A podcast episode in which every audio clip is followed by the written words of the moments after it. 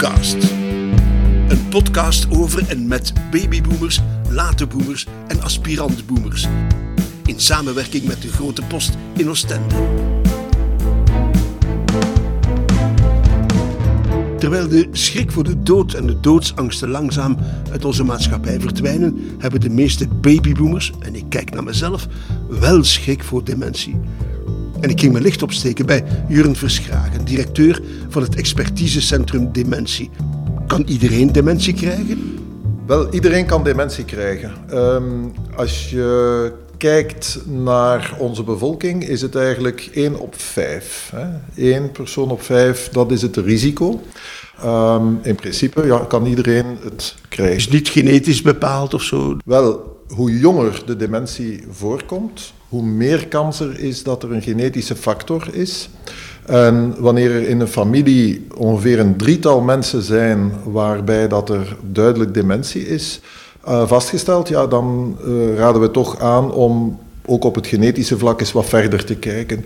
Maar de genetisch rechtstreeks overerfbare vormen zijn zeer zeldzaam en zeer beperkt. Mensen van mijn generatie spreken daar niet graag over, omdat we er allemaal schrik van hebben. Hè? Ja, terecht? Wel, ik denk dat dat voor een deel terecht is en voor een deel niet. Um, ik denk als je uh, kijkt naar wat media vandaag in beeld brengt dan is dat vaak de laatste fase of de fase waar het uh, totaal niet meer lukt. Dan verbindt men het nogal eens met uh, mensonwaardig leven, met zelfs de stap richting euthanasie. Um, terwijl dat uh, het leven met dementie toch ook nog een waardevol leven kan zijn. En dat is niet de professional die dat zegt, dat zeggen mensen met dementie zelf. Wij leven van dag tot dag, we kijken wat er nog mogelijk is, we genieten van de kleine dingen van het leven en we maken ons niet te veel zorgen over wat er morgen komt. Wat is precies het verschil tussen dementie en Alzheimer? Wel, dementie is eigenlijk, ja, ik noem dat de paraplu-term. Het syndroom dementie omvat een heel pak ziektebeelden, waaronder de ziekte van Alzheimer. En de ziekte van Alzheimer is eigenlijk de meest voorkomende vorm van dementie. Ongeveer 60% van alle dementies worden veroorzaakt door de ziekte van Alzheimer. Maar er zijn ook nog andere vormen van dementie, zoals bijvoorbeeld vasculaire dementie, zoals dementie ten gevolge van de ziekte van Parkinson, dementie uh, door Lewy-lichaampjes, dat zijn eiwitten in de hersenen die tot hallucinaties kunnen leiden bij mensen. Er zijn een vijftigtal ziektebeelden die onder die paraplu-term uh, vallen. En het is in het jaar 1906 dat Alois Alzheimer, de toenmalige psychiater in Oostenrijk, heeft vastgesteld uh, wat er precies misging in die hersenen. En een van de dingen die hij gezien heeft onder zijn microscoop was bijvoorbeeld dat er eiwitneerslag was in en rond de zenuwcellen in de hersenen. En dat zorgt eigenlijk voor een blokkage van uh, de prikkeloverdracht wat dan natuurlijk tot vergeten kan leiden. Men geeft u de indruk dat er een geneesmiddel op komst is. Echt genezen kan nog niet, maar de evolutie remmen kan wel. Hoe ver staan we daarmee? Um, daar zal nog veel meer onderzoek moeten worden op gedaan. En een van de aspecten die we daarin zien bijvoorbeeld, is dat um, de achteruitgang van die persoon ja, iets minder is, maar de vraag is hoeveel minder en zorgt dat er dan effectief voor dat de levenskwaliteit kan stijgen. Dus dat is in feite ja, een beetje de evolutie op dit moment. Men gaat werken op, op vlak van gentherapie. Men gaat werken op het vlak van wat we noemen uh, ziekteveranderende uh, uh, therapieën. En men gaat werken op diepe breinstimulatie bijvoorbeeld. Dat zijn eigenlijk de drie pistes die we vandaag vooral in de wetenschappelijke wereld zien. Hoopvol, ja, maar we zijn dat eigenlijk al twintig jaar. Hè? En we zien dat twintig uh, jaar geleden de hoop er was dat er tien jaar later een medicijn zou zijn. Dat was er niet. Vandaag uh, kijken we opnieuw tien jaar verder en dan hopen we opnieuw. En ik denk dat we die hoop niet mogen uh, uit het oog verliezen.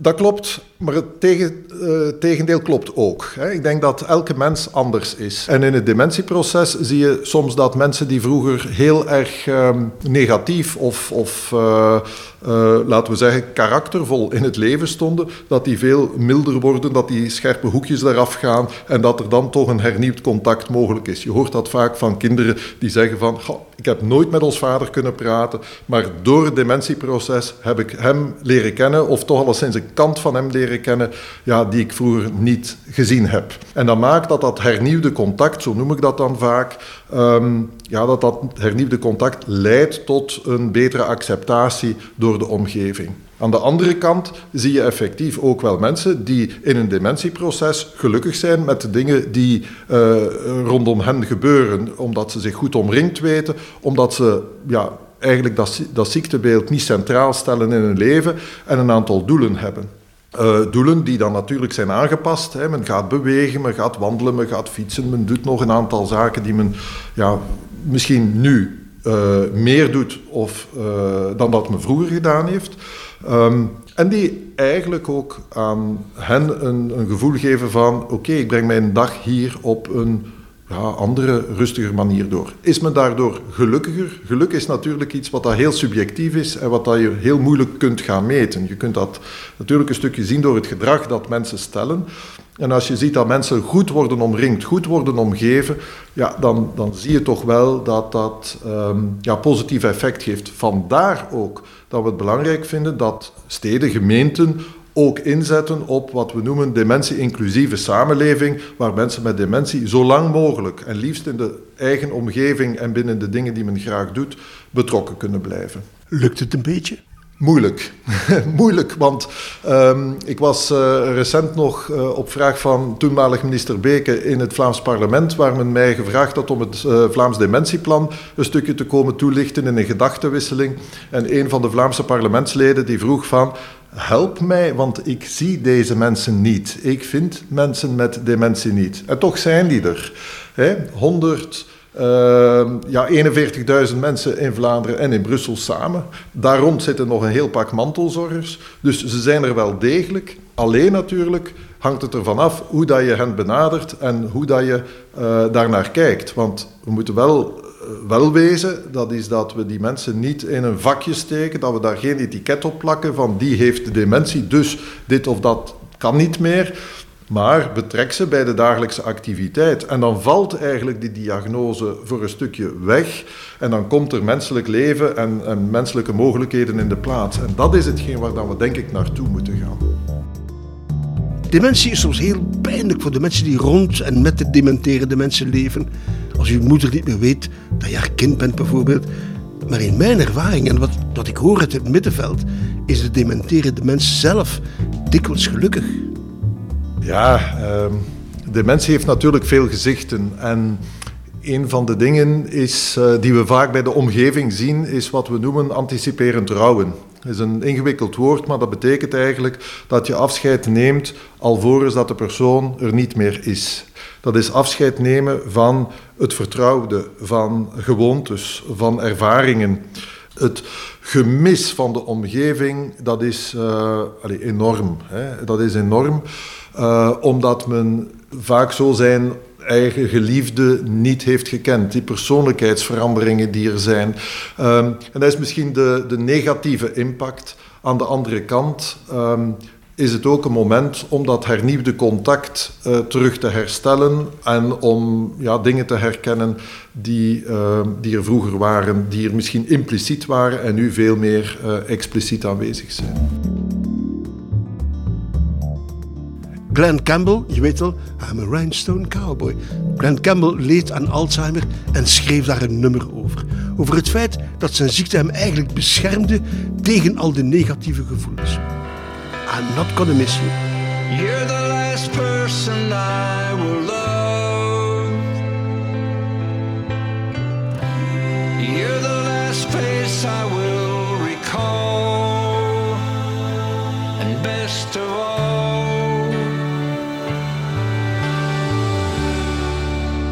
I'm not gonna miss you. Je bent de laatste die ik graag zal zien. Je bent de, het laatste gezicht dat ik me zal herinneren. En het beste van al is dat ik je niet zal missen.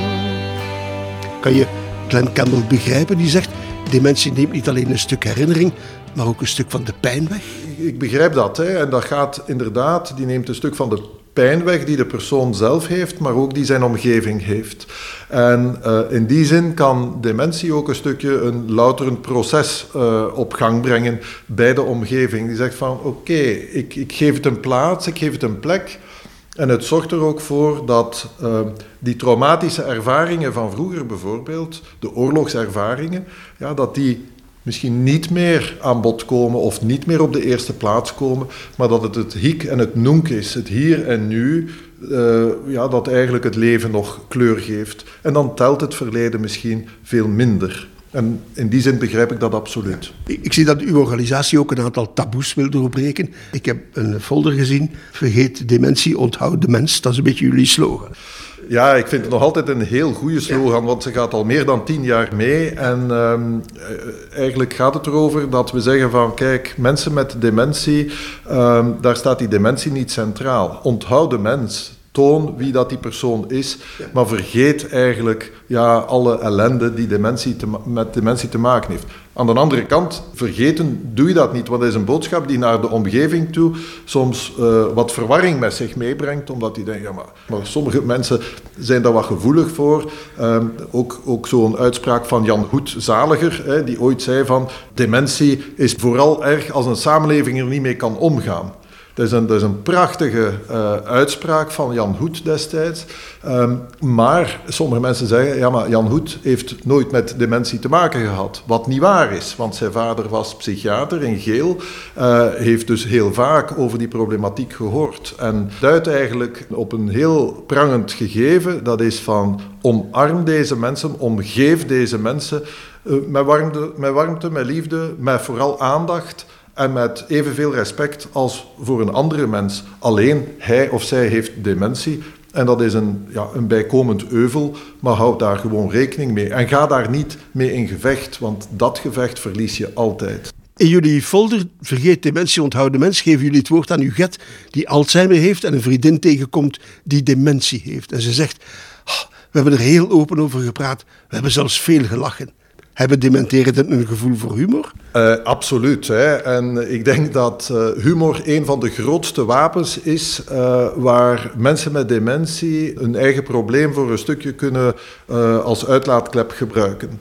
Het ontwapent heel sterk, hè. humor ontwapent. Alleen vind ik het belangrijk dat die humor is op mensenmaat. En vaak is het zo dat je als, als omgeving de cafépraat moet overstijgen. De cafépraat van wat is het verschil tussen Parkinson en Alzheimer? Zou je het ene liever hebben dan het ander? Dat is dan de cafépraat. En dan zeg je van ja, eh, als ik eh, op café zit en mijn pint moet vastpakken met, uh, met Parkinson, ja, dan heb ik niks gedronken. Maar bij Alzheimer vergeet ik hoeveel dat ik gedronken heb. Haha, dit is zo wat de, de, de grijsgedraaide grap die we, we niet prettig vinden. Maar als het gaat over omgaan met humor, met uh, de dingen die gebeuren, dan luister ik eigenlijk het liefst naar mensen met dementie zelf. Want zij leren ons hoe dat je met humor moet omgaan. Christophe, een van de, de mensen die een, aantal jaar geleden mee was naar Nepal, die vertelde zelf uh, op het traject dat we toen deden, hoog in de bergen, ik lach heel graag met, uh, met mijn omgeving, met de dingen die anderen doen. Ik, ik vind er mijn plezier in om, uh, om zelfs nog grapjes te maken en dat deed hij ook.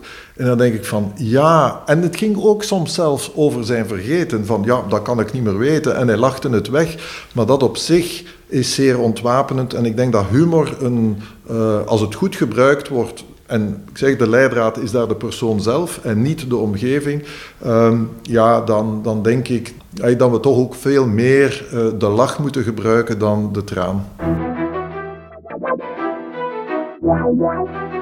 Professor Mathieu van den Bulke van de Geheugenkliniek Gasthuisberg zegt: Er is een leven na de diagnose. Het ziet er misschien anders uit, maar dat betekent niet dat het geen mooi leven meer kan zijn. Ja, ik denk dat hij daar gelijk heeft. Hè. Mathieu is een goede vriend van mij. We, hebben twee trektochten gedaan. Eentje in Nepal uh, en eentje in de Alpen. Samen met mensen met dementie op jonge leeftijd. Ja, ik, denk dat, eh, en, dat is ook iets wat hij zegt, dat de, de motivatie om in uh, de zorg, in de ouderenzorg actief te zijn, eigenlijk begint met respect voor de oude dag en ook begint met respect voor ja, het onaf zijn van de dingen. Bij dementie is het niet meer allemaal zoals het zou verwacht worden. Mensen komen soms raar uit de hoek, hebben een, ander gedrag.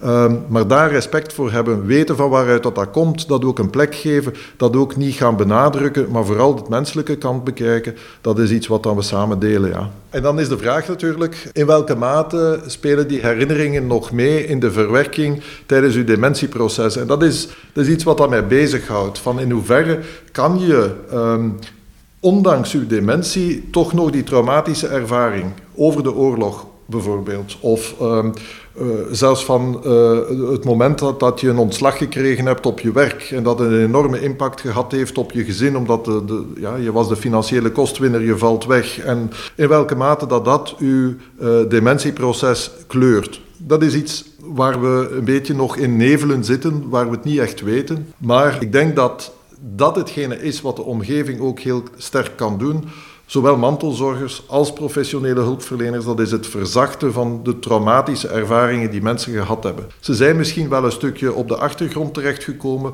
maar soms is de emotie die uh, naar voren komt bij mensen met dementie desdanig sterk dat die niet altijd meer verklaarbaar is vanuit het hiek, het nunc, vanuit het hier en nu. En vooral te verklaren zou kunnen zijn vanuit het verleden. Is daarom belangrijk om dat verleden goed te kennen? Absoluut. Hè? Uh, en vooral um, om daar op een, op een goede manier mee om te gaan. Als wij naar zorgverleners toe uh, opleiding geven, dan uh, bijvoorbeeld mensen die in een, in een ziekenhuis werken, dan zeggen wij hoe belangrijk het is om die patiënt die daar één week, maximum misschien twee weken aanwezig is, om die voldoende te leren kennen. Het kan een enorme slok op een borrel uh, schelen dat je dat doet. Een tijdje geleden in, uh, in Mechelen, in het ziekenhuis, waar boven het bed uh, van Jean, zal ik hem noemen, een schema hing. En op dat schema stond eigenlijk wie Jean was. En ik kwam op zijn kamer. En ik zeg tegen Jean, ik zeg ja, ik zeg de tijd van de carrosserie, ik zeg dat is ook wel even geleden. Hè. En er stond dat hij carrosseriewerker was hè, in, in, uh, in een metaalwerkplaats in Mechelen. En hij begon over een Mustang en over ik weet niet wat voor soorten auto's die hij allemaal had hersteld. En die man bloeide open. En op dat ogenblik is natuurlijk veel belangrijker om dat centraal te stellen en om dat contact te hebben. Want ik was meteen vertrouwd met hem. Hij dacht dat ik uh, een automarchand was die in dezelfde branche zat. Maar dat alleen al zorgt ervoor dat dat verleden, dat misschien toen traumatisch was voor die man, omdat hij dat niet meer kon uitoefenen, om welke reden dan ook, ja, dat dat nu ja, in een soort reminiscentiegesprekken terugkeren naar de emotie die hij vroeger had, terug aan bod kwam en waar wij eigenlijk een heel mooi uh, gesprek over hadden. En die man werd rustig en ik ben er zeker van dat uh, de zorgverlener die nadien bij hem aan het bed stond, ja, veel meer ruimte had om zijn ding te doen. En uh, dat spuitje dat hij moest krijgen, ja, moest veel minder worden uitgelegd, want hij had zijn verhaal kunnen doen. Een van de problemen is dat we niet weten hoe we ons moeten gedragen als we iemand tegenkomen met dementie. We weten niet wat we moeten doen. Geef ons een beetje raad, alsjeblieft. Ja, uh, iemand tegenkomen met dementie, het staat niet op het voorhoofd geschreven. Maar als iemand u vijf keer dezelfde vraag stelt, ja, dan ga je natuurlijk uh, u na de tweede keer of derde keer misschien al de vraag stellen van oei, hier klopt iets niet. Hè. Uh, ik denk dat het altijd belangrijk is om mee te, uh, te vibreren met de persoon zelf. Hè. Als dat vijf keer voor die persoon een belangrijk verhaal is, laat hij dat gerust vijf keer vertellen. Maar ga er dan op een gevoelsmatige manier mee om. De feiten op zich zijn niet zo belangrijk. De wijze hoe dat de feiten beleefd worden, dat staat centraal. Dus dat betekent als iemand bij u komt en zegt uh, dat het toch wel erg is dat hij bedot geweest is in de winkel. Uh, uh, ik ben juist naar de viswinkel geweest en allee, men heeft mij daar twee vissen meegegeven. Ik had maar één besteld. Dat is toch wel... en twee minuten later komt het terug op dat gesprek.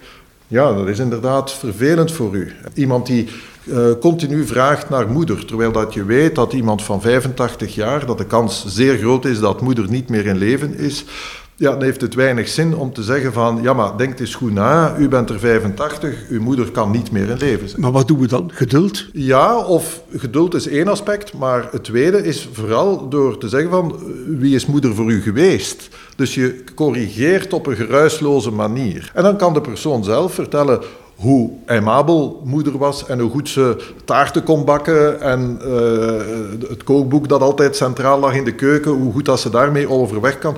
En vooral uh, dat hij goede ervaringen heeft met moeder toen dat moeder uh, een, een onderscheiding kreeg en wat dan ook.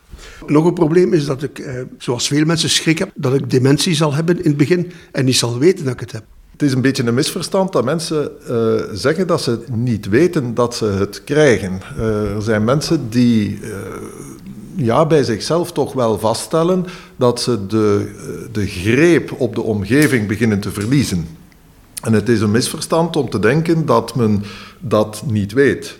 we weten uit onderzoek ook dat mensen vaak bij zichzelf al uh, zich vragen stellen, dat ze een soort niet-pluisgevoel hebben. Ze gaan naar de kelder, ze komen boven, ze moesten iets halen in de kelder, ze komen terug boven, van wat moest ik weer halen? Nu, heb ik ook soms, hè.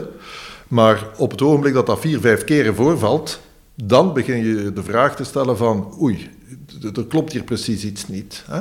Uh, dus dat zijn eh, lichte tekenen die wijzen in de zin van ik word afhankelijker van mijn omgeving, ik ga mij misschien sociaal wat minder uh, in het veld bewegen, ik ga meer thuis blijven, want als ik bij vrienden kom, ja, ik ga die misschien niet meer herkennen of ik ga de verhalen die bij hen, uh, aan, aan hen samenhangen niet meer herkennen. En dat maakt dat je daar toch wel wat gevoeliger voor wordt alleen. Maar ik ga er dus niet plots door overvallen worden? Nee, dat gaat niet plots. Nee. nee. En we weten trouwens ook, bijvoorbeeld bij de ziekte van Alzheimer, dat dat een, een, een ziektebeeld is in, in, slow motion. De eerste ja, dingen die in de hersenen aan het gebeuren zijn, de eerste veranderingen, die gaan eigenlijk al twintig jaar voordat de eerste tekenen zichtbaar zijn. Hè? Dus dit gaat inderdaad in slow motion, op en af. En, en de ene dag gaat het al wat beter dan de andere dag. Dus Nee, niet meteen ga je, dat, uh, ga je dat merken, maar het zullen vaak anderen zijn die er jou zullen op wijzen dat er iets misloopt. En dan, denk ik, is het natuurlijk de vraag van wat wordt er dan mee gedaan? We leven van dag tot dag. We kijken wat er nog mogelijk is. Uh, we genieten van de kleine dingen van het leven. En we maken ons niet te veel zorgen over wat er morgen komt. Dit was de Boomcast in samenwerking met de Grote Post. Mijn gast was Jurgen Verschragen van het expertisecentrum Dementie. En uh, welke vraag ben ik vergeten te stellen? dat, is een, goede vraag. Uh, ik heb er geen idee van, maar ik, ik weet wel dat de vragen die je stelt eigenlijk de vragen zijn die ouderen in de samenleving vandaag zich bijna continu stellen. Hoe kan ik mijn autonomie zo lang mogelijk bewaren?